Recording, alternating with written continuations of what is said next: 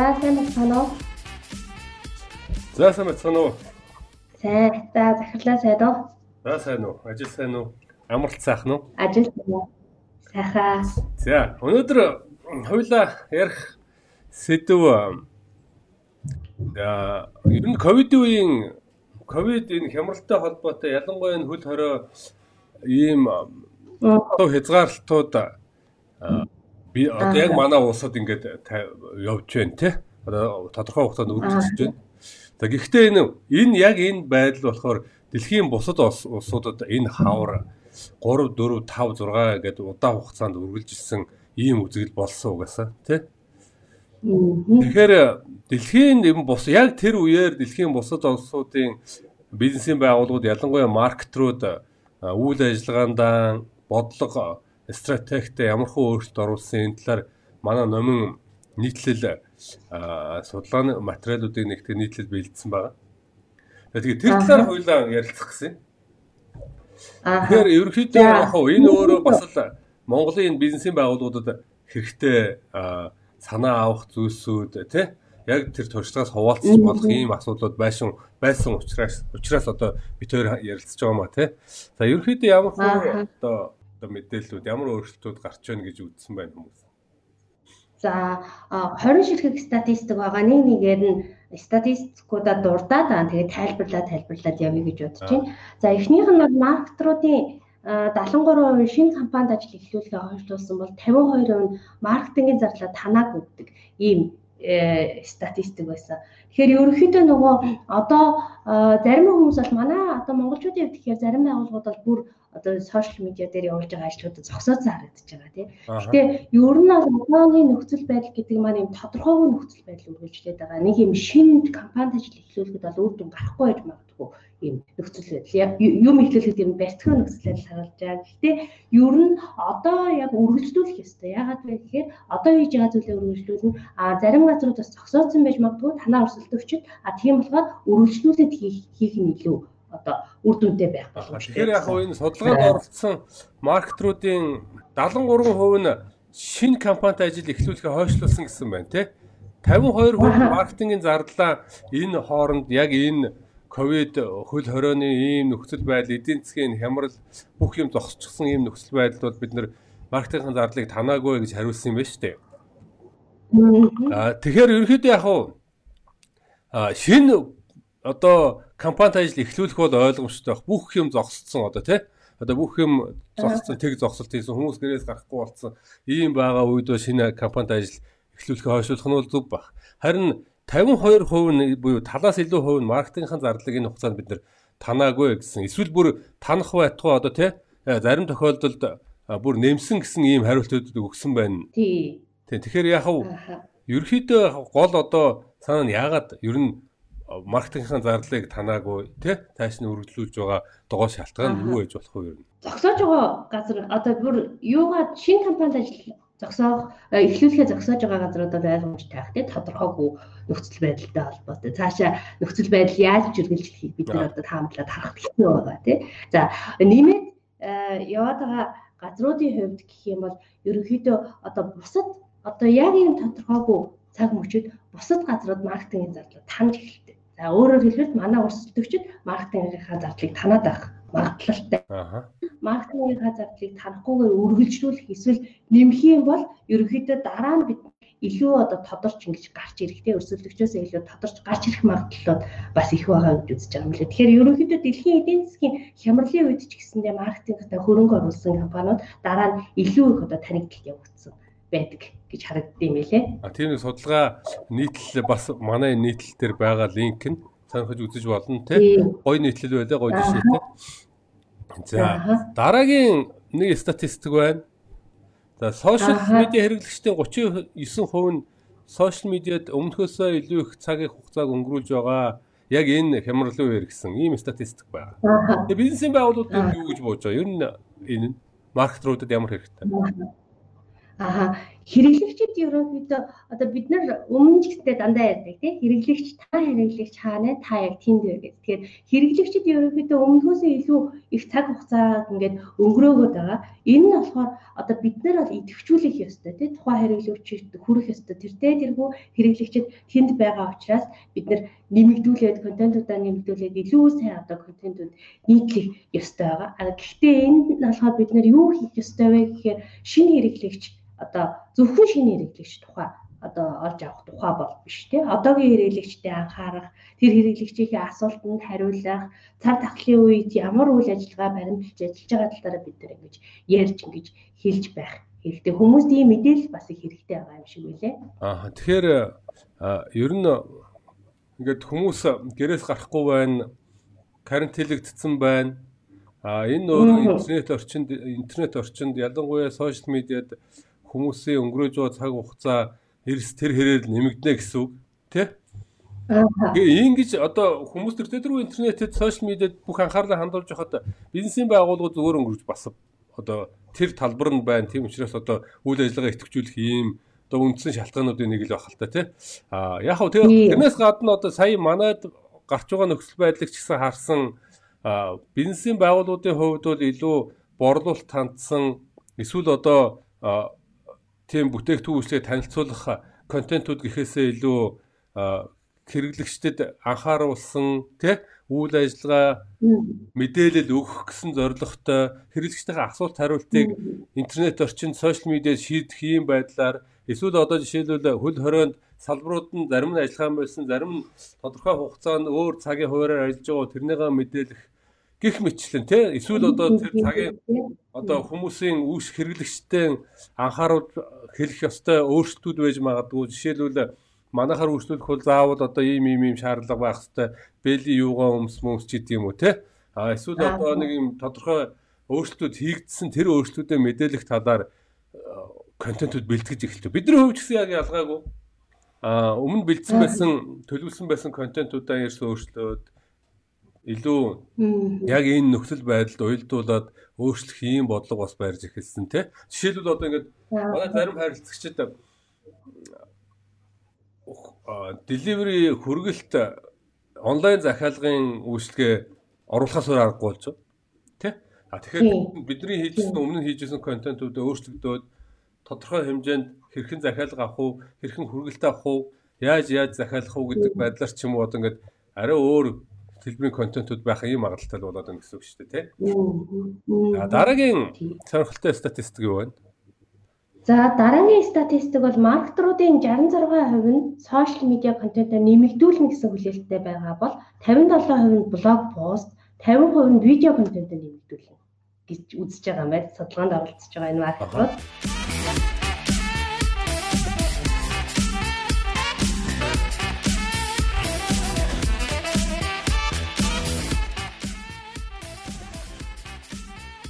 Тэгэхээр тэртээ тэргүй энэ нөгөө нэг нийтийг хамарсан энэ хөл хорой онцгой нөхцөл байдлын улмаас байгууллагуудын уламжлалт маркетингийн зарцуулах зарлууд угаасаа буурч таарах юм байл л дээ.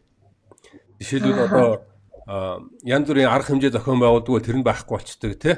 За гадуурх бусад одоо сурталгааны маркетингийн зарлууд бол эрс буурна. Угаасаа байхгүй болно. Бүгд зарим нь бол ингээ маркетингийн тэр үйл ажиллагаанд зогсно.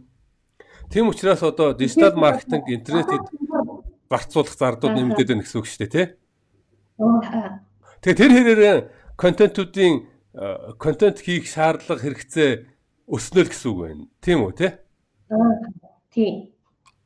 Тэгээд маркетингийн ерөнхийдөө 3-ны 1 нь болохоор бүтээх контентынхоо тоо бууруулах эсвэл өмнөх түвшиндээ барина гэж байгаа бол яг дийлэн хувь нь буюу 3-ны 2% контентоо нэмэгдүүлнэ гэж хариулж байгаа юм. Тэгэхээр ерөнхийдөө бүгд ингээд нэмэгдүүлэх сонирхолтой байгаа. Нэмэгдүүлэх нь зөв гэж мэрэгчлэнүүд үзэж байгаа. Нөгөө хоёлын өмнөх лайваараа бас ярьж ирсэн тийм ер нь нэмэгдүүлэх нь зөв яаж нэмэгдүүлэх ёстой вэ гэдэг талаар ярьсан. Яг хоёр үндсэн шалтгааныг бас энэ дэр хэлсэн байлээ. Ааха. Тэгээ нэгдүгürt болохоор контент маркетинг угаасаа бизнесийн өсөлт авчрах хамгийн гол сувг гэдэг тэр одоо энэ хандлага байсаар байна. Тэ тэгэхээр контент маркетингийн хувьд бол ерөөсөө тэр бууралт эсвэл ийм ийм таналт ерөөсөө энэ дэр ажиглагдахгүй байна гэсэн үг. Хоёрдугаарт болохоор яг түрүүний ярьсан өө онлайн орчин хэрэглэгчдийн хувьд дахиад онлайн байна. Онлайнаар харилцаа үүсгэх шаардлагууд байна. Ягаад тэгэхээр одоо бүх л мэдээлэл бүхий л одоо санал хүсэлт бүхий л зүйлсүүдийг бид нар онлайн сошиал орчинд хэрэглэгчтэй мэдээлэхээс аргагүй болж чинь өөр сувгууд ерөөхдөө тэг байхгүй болчихж байна те. Одоо жишээлбэл call center жишээлбэл гэрээс хүмүүс ажиллах хэрэгтэй болж байна. Илүү олон хүнд байхгүй салбарууд байхгүй болчихж байна, хаагдчихж байна. Тийм тохиолдолд сошиал онлайн дижитал орчин л хэрэглэгчдийн санал хүсэлтийг авч шийдэх хамгийн чухал одоо мэдээлэл өгөх хамгийн чухал сувг болоод байна. Тийм учраас энэ утгаараа контент л угаасаа буурахгүй юм байна. Илүү нөгөө эсрэгээр 66% нь контентээ илүү их нэмэгдүүлнэ гэсэн ийм хүлээлт тий юунууд байсан байгаа гэсэн юм шиг. Тэр энэ ч гэсэн яг Монголд манай бизнесийн байгууллагуудын хувьд ч гэсэн бас л ажиглагдах тийм үзүүлэлт болов уу гэсэн юм бодолтой байна шүү дээ. Дараагийн сонирхолтой контент юу вэ? За дараагийн сонирхолтой статистик нийт байгууллагуудын 79% контент маркетингийн стратеги хэрэгжүүлдэг юм байна. Ерөнхийдөө байгууллагууд.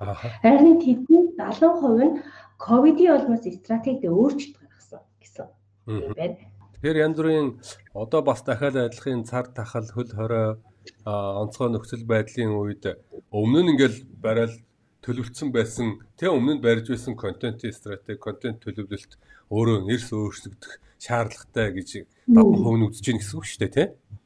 Тий аха. Тэгэхээр ер нь бол дахиад адилхан бүтээгдэхүүн үйлчлэгээ танилцуулах, хөнгөлөлт урамшуулал, сурчлагын борлуулалтын чиглэсэн контентуудаас илүү дахиад нөө хэрэглэгчтэй хүргэх хэрэгтэй мэдээллийг нь аваачих тий мэдлэг мэдээлэл өгөх анхааруулах тэгээд байгууллага дээр гарч байгаа өөрчлөлт үйл ажиллагааны өөрчлөлтүүд янз бүрийн юм сурчлалт таниулах ийм мэдээллүүдээр бэлдэж гин гэсэн үг шүү дээ. Энд дээр нэг гоё жишээ байсан.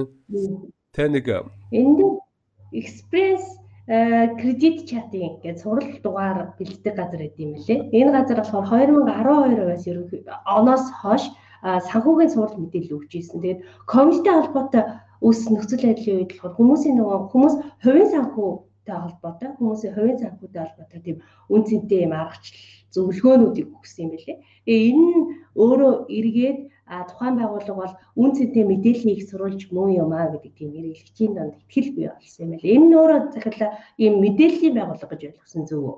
А энэ болохоор санхүүгийн одоо ялангуяа миний бодлоор бол санхүүгийн кредит картын компани подкастын болов гэж би ойлгосон. Подкаст ч юм уу, видео цуврал ч юм уу тий. Тэгээ байнгын бэлддэг контент нь. За тэгээ хэрэглэгчдэд илүү одоо санхүүгийн мэдээлэл бэлддэг хүргэдэг байсан бол яг энэ ковидтой холбоотой үйл явдал эхлэнгууд нөгөө хүмүүс хэрэглэгчд нь юу вүлээ би ч одоо мөнгө төгрөг яах вүлээ энэ хямрал хаашаа ингэж үргэлжлээд урт хугацаанд хөл хорой тогтвол одоо би ч одоо яах вүлээ гэдэг ингээд санаа зовж эхэлж байхад нь өө та санхүүгийн хувийнхаа санхүү дээр ийм ийм ийм юмнуудыг ангаар ингээ гэдэг ийм завар заавар зөвлөгөө аргачлалуудыг өгч явсан нь илүү бас хэрэглэгчдэд таалагдсан байна гэж ойлгосон. Тэр өөр хэлбэл контентын бодлого, стратеги яг энэ нөхцөл байдалтай уялдуулаад бас өөрчилж байна. Асар одоо 70% нь өөрчилж байна гэхээр одоо бараг л одоо тий маш дийлэнх хувь нь өөрчлөлт оруулж байна. Тийм учраас бидний хувьд ч гэсэн тодорхой хугацаанд контентын өөрчлөлт мэдээлүүд оруулах баха. Би ч гэсэн энэ хөл хорионы энэ үед Монголын бизнесийн байгууллагуудын хувьд гаргаж байгаа контент юунуудыг харахад бол одоо яг л нөгөө нэг өмнө байснаас өөрчлөгдчихсэн тий хэрхэн өөрийгөө хамгаалах вэ? За яаж одоо манай байгууллага яаж одоо ажилчтай хэрэглэгчтэй хамгаалж байна? Эсвэл бүр одоо төлбөрөө өг биш төлбөрөө хойшлуулж болно шүү гэдэг мэдээллийг хүртэл өгж байна тий. Иймэрхүү байдлаар контент одоо бэлдсэн байсан контентууд бол ингээд хойшлогдож байна. Өөр шинэ контентууд бэлдэх шаардлагууд гарч байна л гэсэн үг тий. Хэрэглэгчийн эрэлт хэрэгцээнүүдээс өөрчлөгдөд байгаа болох тий. За дараагийнх нь. За хэрэглэгчийн 87% цар тахлын үед цаг үеийн хэрэгцээтэй мэдээлэлээр хангаж гарч ирсэн байгууллагуудад эерэг үнэлгээ өгсөн гэсэн мэлээ. Аа тэгэхээр хэрэглэгчдийн маш өндөр хувь 87% нь яг ийм хэцүү үед хэрэгцээтэй мэдээлэлээр хангаж байсан байгууллагуудыг бол нааштай үнэлсэн гэсэн ийм статистик байгаа байхгүй тий. Дахиад адилхан ер нь бид нар одоо ингээд маркетингийнхан контент бэлтгэл одоо бэлдэж байгаа хэрэглэгчд хүргэж байгаа зүйл маань ерөөхдөө зорилгын хувьд маш тодорхой. Борлуулалт. А гэхдээ яг ийм цаг үед хит борлуулалт хит мөнгөний хойноос бас битгий хөдөлтөрөл гэдэг ийм санааг энэ дээр яг энэ хэсэг дээр бас өгөөд ах шиг үлээ. Одоо энэ статистикийн юунууд гараар тий. одоо өөрийгөө жижиг байгууллагуудын хувьд одоо энэ нас нөгөө нэг өөрийгөө яг танилцуулах боломж олж эхэлж байна гэсэн үг байхгүй юу. Одоо яг хэрэглэгчдэд үн цэнтэй хэрэгцээтэй мэдээлэл өгөөд. А тэр нь одоо тэг ямар ч суугаар хийж болно тэг твиттерээр байж болно тэг мессенжерээр ч хийж болно гэдэг ч юм уу. Тэг ямар нэгэн байдлаар хэрэглэгчтэй ингэж харилцаа холбоо тогтоож энэ мэдээллээр хангаснаа тэр одоо мэдээлэл нь хэрэглэгчийн хувьд их үн цэнтэй байгаа учраас. Тэгээ ганцхан борлуулалтын мэдээлэл ер нь бол өгөөд байх тийм зүг биш юм аа гэдгийг бас их харуулсан байлээ. Тэгээд эндээс ингээд харахаар ер нь өөртөө байгаа нөөц болцоогоо ашиглаа, арга хэрэгслээ ашиглаа, юу ч хийж болно тий.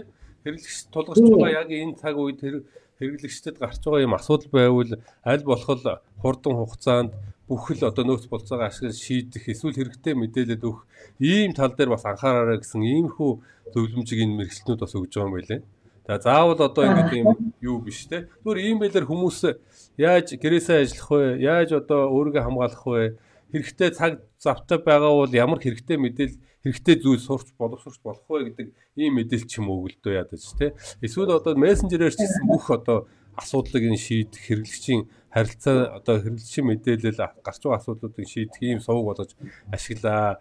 Тэгвэл илүү одоо бас хүмүүс эрэг ийм сэтгэл төрүүлэх шүү гэсэн иймэрхүү одоо зөвлөмжүүдийг өгсөн байна лээ тий. За залуучуудын хувьд бас нэг сонирхолтой арай өөр хандлагууд гарсан баг шүү гэсэн. Тэгээд болон бай үеийнхнүүдийн хувьд 89% нь бизнесийн байгууллагууд брэндүүд ковидын үед бид нар ч зөвхөн мэдээлэлээр хангахаас илүүтэйгээр тусалцаа үзүүлэх гэдэг тийм одоо ихтгэл ямар нэгэн байдлаар байгаа гэж үзсэн байлээ. Тэгэхээр ингээд залуучуудын ZY-ийн залуучуудын маш өндөр хувь нь те ер нь томхон байгууллага брэндүүд энэ тодорхой хэмжээнд гар сунгах туслах ёстой шүү гэдэг ийм хүлээлт байгаа юм байна гэж ойлгосон. А манай ус ч тийм байх магадaltaй. Дээрэс нь энэ үеийнхэн ер нь бол эдийн засгийн идэвхтэй хүн амын нэлээ өндөр хувийг эзэлдэг болж ингэж одоо байр суурь зах зээл дээр нэлээ сайн болж авсан. Тийм учраас энэ үеийнхнийг бас хайхрахгүй өнгөрөөж болохгүй баг. Тэр аль болох одоо мэрэгчлүүдэд өгж байгаа зөвлөгөө нь болохоор аль болох юу хийж гэн яаж гэн ямархуу байдлаар та хэд хэрэглэгчтэй ажилчднуудаа тусламж дэмжлэг үзүүлж байгаа тэрнийг маш сайн нийтэд мэдээлж хэлж бай гэдэг ийм зөвлөгөө өгсөн байлаа тий. Ааха. Одоо жишээлбэл нөгөө нэг гэрээсээ ажиллах боломж бүрдүүлээд одоо ажилчдаа гэрээсээ ажиллаж байгаа бол гэрээсээ ажиллаж байгаа гэдгээ ч гэсэн хэлээ. Энэ нь өөрөө нөгөө эерэг одоо тий зал яг ажилчдад тусалж юм дэмжиж юм гэдэг санаа цаана байгаа шүү гэх мэт жишээ нь хэлээ тий.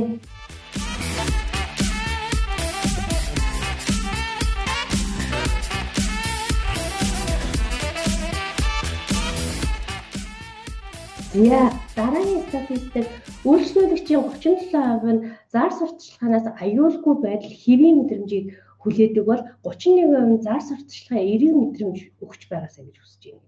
Энэ бас нөгөө өмнөх хоёрынхын лайн дээр гарч ирсэн тийм хэрэглэгчид ерөнхийдөө зар сурталчилгаанаас яг юм одоо бол эдийн засгийн хувьд ч тийм бас их одоо хүнд цаг үе. А тийм болохоор ийм цаг үед яг борлуулалтын гэхээс илүүтэйгээр юм эерэг мэдээллүүд байгаасаа гэдэг хүлээлт бас их байна гэж үзсэн байлээ. Аа тэгэхээр энэ айдас төгшүүр аа тийм юу биш те илүү эерэг аюулгүй тийм мэдрэмжийг туршлага одоо бусад хүргэж байгаа контентуудаас авмаар байна гэсэн ийм хүлээлт байгаа юм байл шүү. Тэгэхээр бид нар бас адилхан тэр тал руу контент агуулгаа өөрчлөх хэрэгтэй байна шүү гэсэн үг тийм. Аа.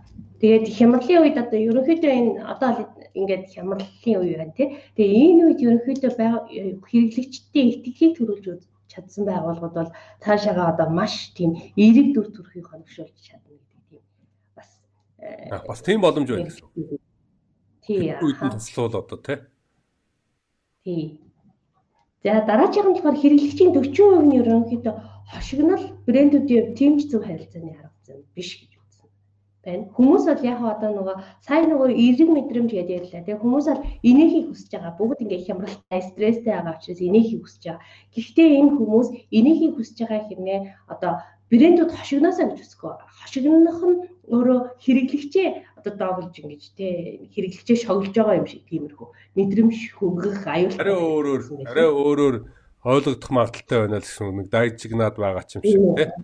Ааха тэгэхээр энэ дээр бас их анхаараарэ гэсэн ийм санааг бас мэрэгчлэнүүд өгж байгаа юм байлаа шүү. За дараагийнх нь маркетруудын 42% нь маркетингийн баг нь богино богино хугацаанд анхаарал чиглэлээ өржиж шинэ контент бүтээх тал дээр дутагдaltaй байгаа гэдгийг э, дурдсан байлээ. Тэгэхээр өөр хэлбэл шинэ ер нь маркетруудын хувьд бас нэг гарч байгаа асуудлууд тулгарч байгаа зүйлсүүд байна гэсэн үг шүү дээ тий. Гинтхэн өнөөдөр 20-од хөл өрөө тавьчлаа. Асуудал үүслээ. За тэгэнгүүт бид нар шинэ контент хийх шаардлага гарч ийн гэж өмнө ярьсан тий. Контент өөрчлөх хэрэгтэй. Контентын стратеги өөрчлөх хэрэгтэй юм байна. Эсвэл а онлайн орчинд, дижитал, сошиал медиа орчинд одоо үйлдвэрлэх хийх контент нэмэх хэрэгтэй юм байна.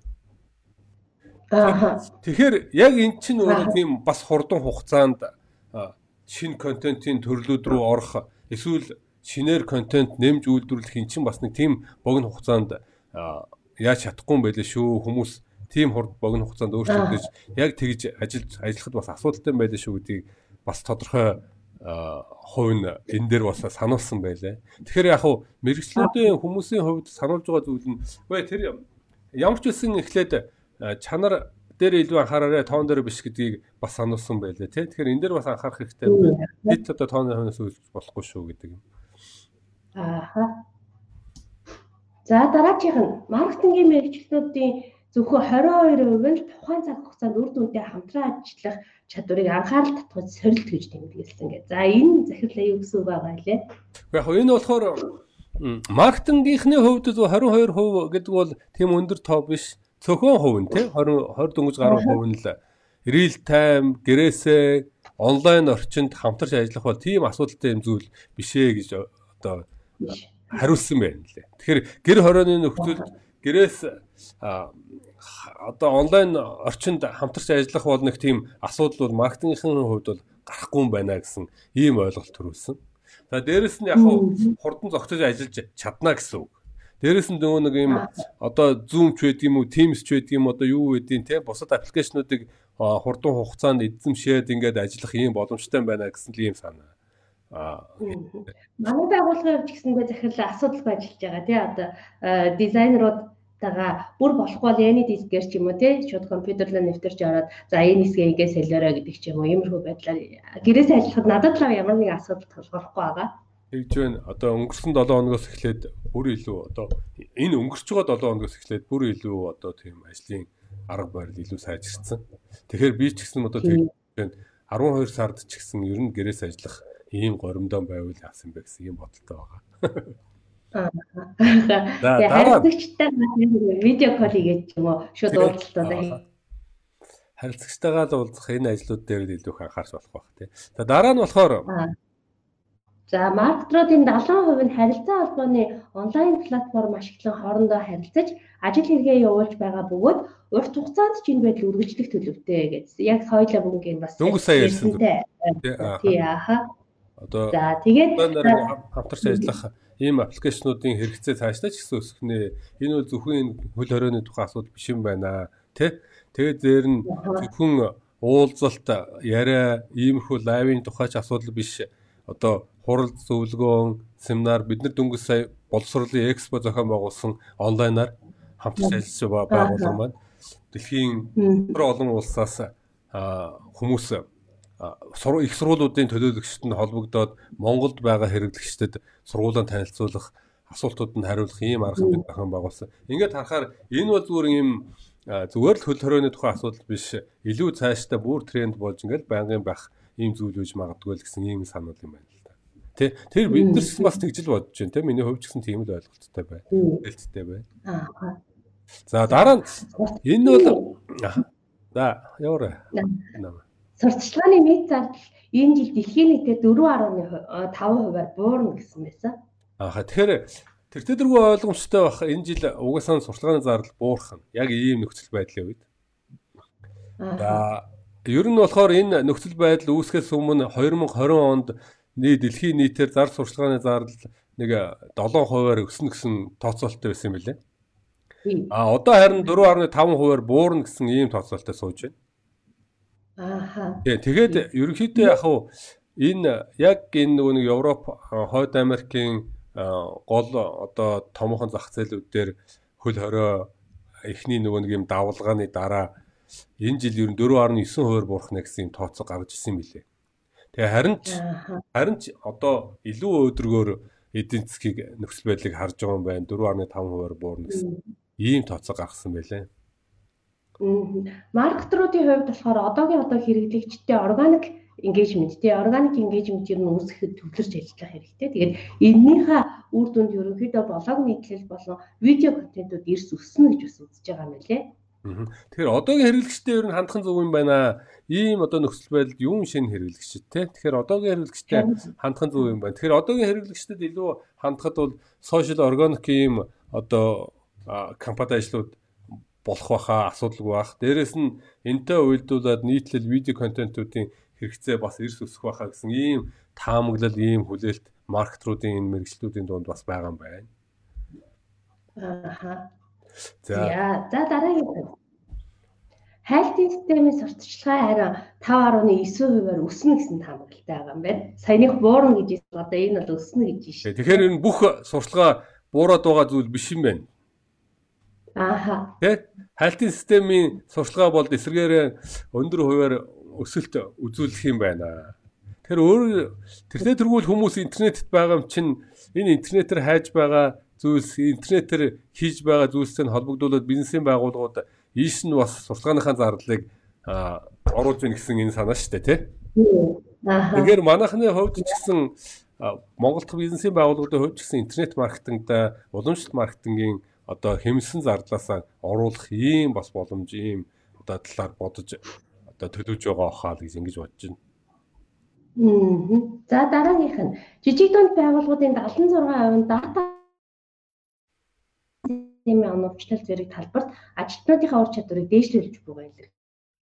За энэ бол ер нь бол сонирхолтой санагдсан надад. Тий аа. За ихэнх жижиг дунд байгууллагуудын хувьд а ялангуяа интернет дижитал сувгийг маркетингд ашиглах нь зүйтэй байна гэж одоо хүн болгол мэдэж байсан. Гэхдээ энэ жил бол бүр илүү одоо хурдцтайгаар бүр илүү одоо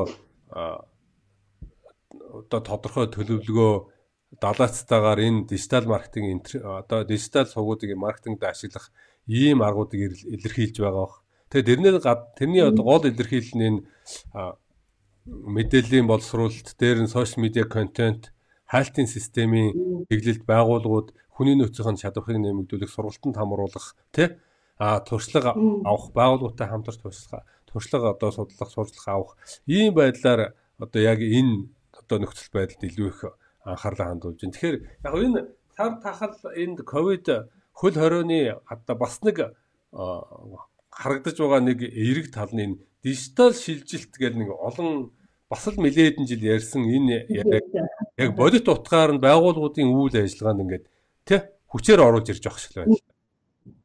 Ааха. Тийм. Яг одоо бид нэр бас шилжихээс аргагүй байдалд орчлоо тийм бүх юм онлайнаар явахаас аргагүй. Өмнө нь болохоор зөндөө их ярьж ирсэн бид нэр янз янзын зүйл дээр одоо хэрэглэгчийн бүртгэл нэг зүйлийг болсон Одоо бид нэр сүүлийн 6 жил нөгөө сургалт явуулсан танхим юм. Онлайн сургалт хийндэ гэж бас их бодож ирсэн. Бас олон жил бодсон баха. Ярьж байсан, төлөвлөж байсан. Гэхдээ энэ жил одоо хийхээсээр аргагүй болсон. Тэгэхээр ерөнхийдөө ингээд иймэрхүү байдлаар одоо одоо юуны ажлууд их нэмэгдэж байна л да. Тэ? Одоо бодит байдал дээр одоо шууд орхосоор аргагүй ийм нөхцөл байдал руу үүсгэж байна. За дараагийн.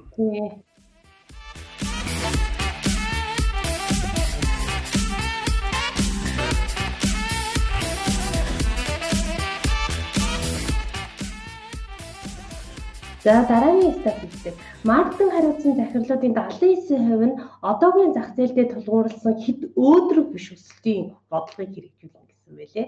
Аа тэгэхээр хитрхи өөдрөг өсөлтийг хүн болгон ялангуяа маркетингийн захирлууд бол хитрхи өөдрөг өсөлт хүлээлт байхгүй болчихжээ.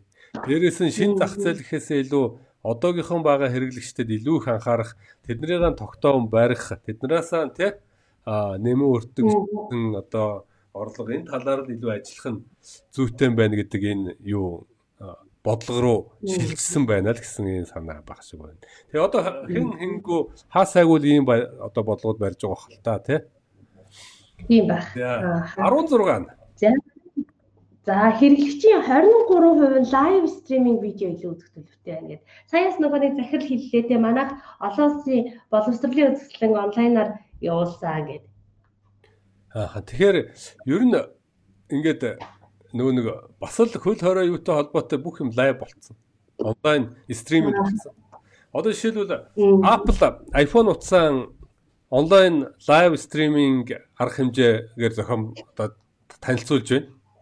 Өмнө нь бол маш олон сэтгүүлчид, маш олон мэрэгч хүмүүсийг цуглуулж байгаа зааланд юун дээр гараад Стив Джобс утсаа танилцуулдаг байсан.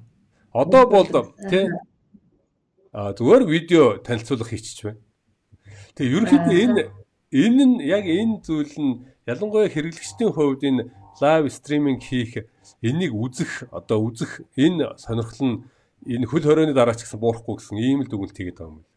Тэр тэр хүмүүсийн их олон хүн цугласан газраас нэг хэсэгтэй л хүмүүс бас зайлсхийх баг.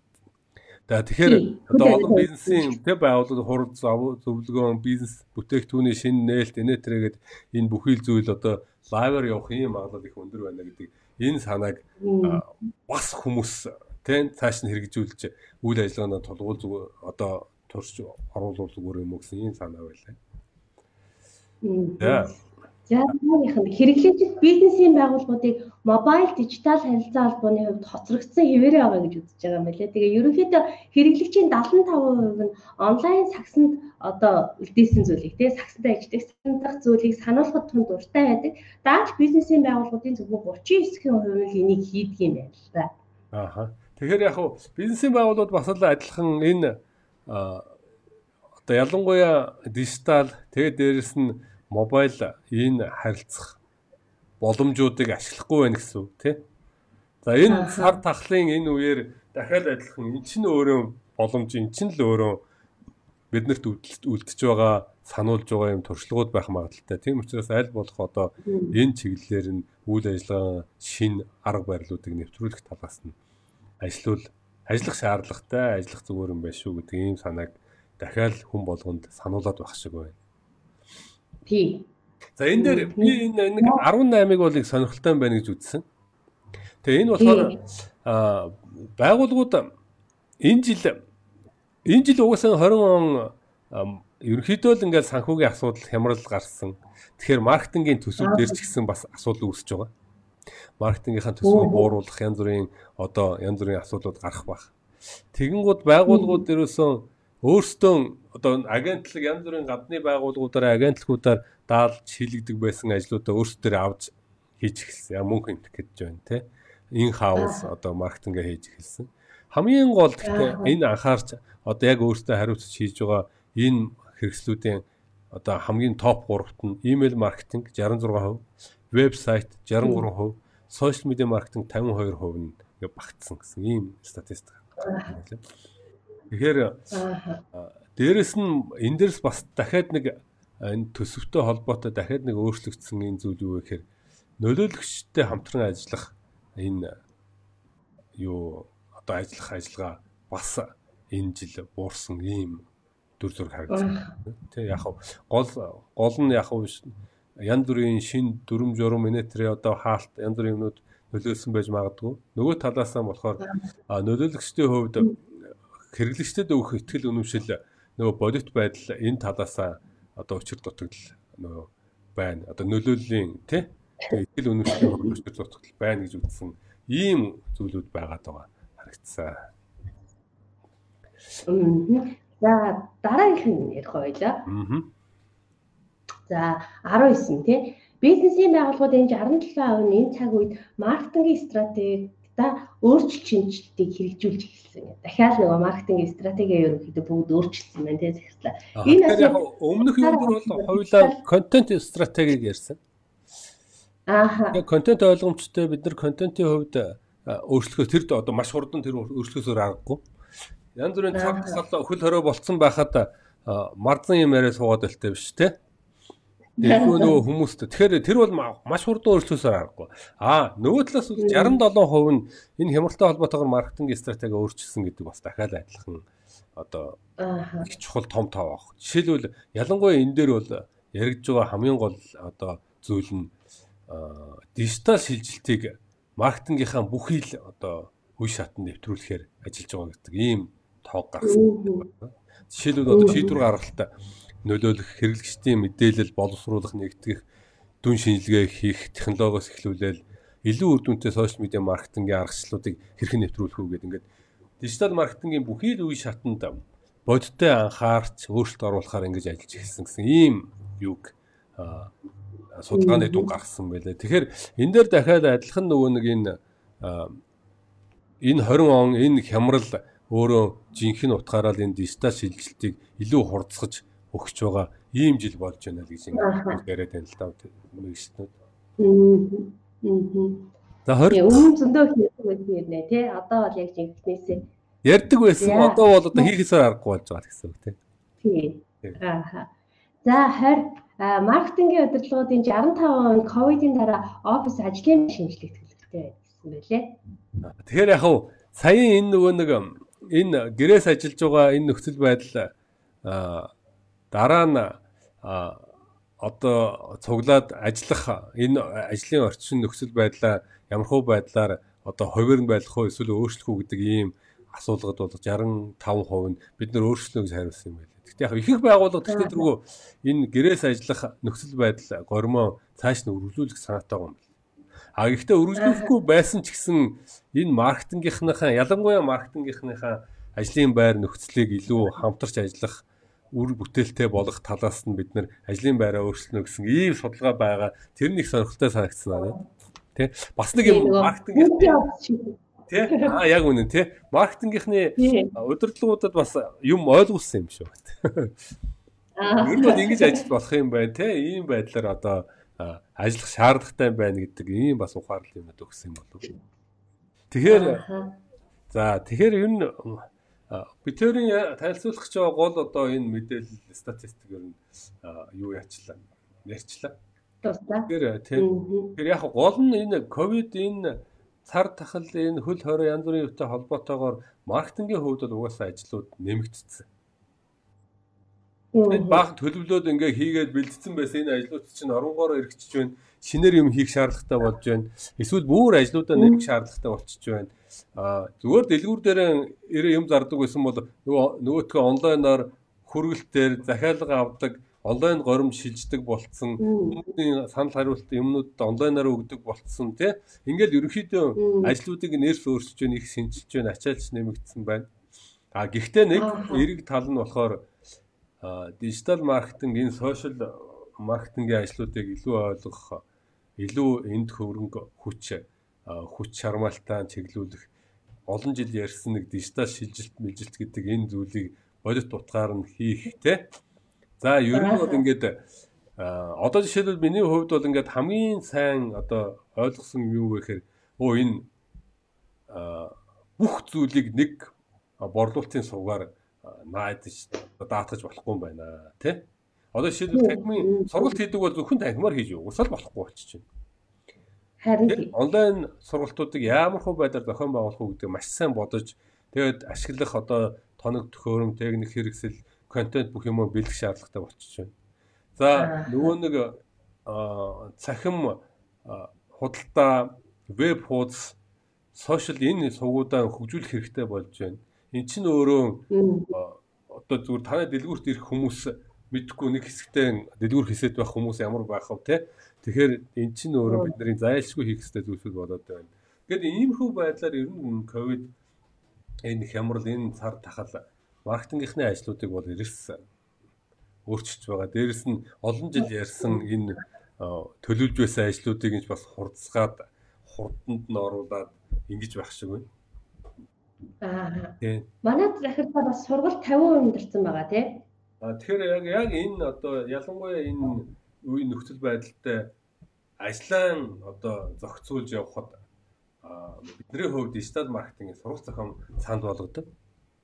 Одоо жишээлбэл сошиал контентууд сошиал маркетинг стратеги, дижитал маркетинг стратеги. За онлайн орчинд хэрэглэгчдийн худалдаа авалтын шийдвэр гаргах процесс юу байдгийг эсвэл чатботуудаа хэрхэн хийх вэ? Хэрхэн үр дүнтэй одоо ашиглах вэ? Эсвэл зүгээр ингээд Photoshop дээр одоо хамгийн энгийн постууд хэрхэн бэлдэж сурах вэ анхан шатны Тэ? Эсвэл Facebook-ийн сурчлагаа илүү үр дүнтэй хүргэх арга замууд юу вэ? Гэх мэтлэн энэ маш олон сэдвийг хамарсан юм дижитал маркетингийн сургалтаа бид нэр энэ хаварж хаврын одоо хавар зуны хугацаанд бүгдэнд нь хийсэн. Тэгээ одоо яг энэ сургалтаа 50% хөнгөлөлтөө үнээр одоо бүртгүүлэх хэлсэх юм боломжтой байна.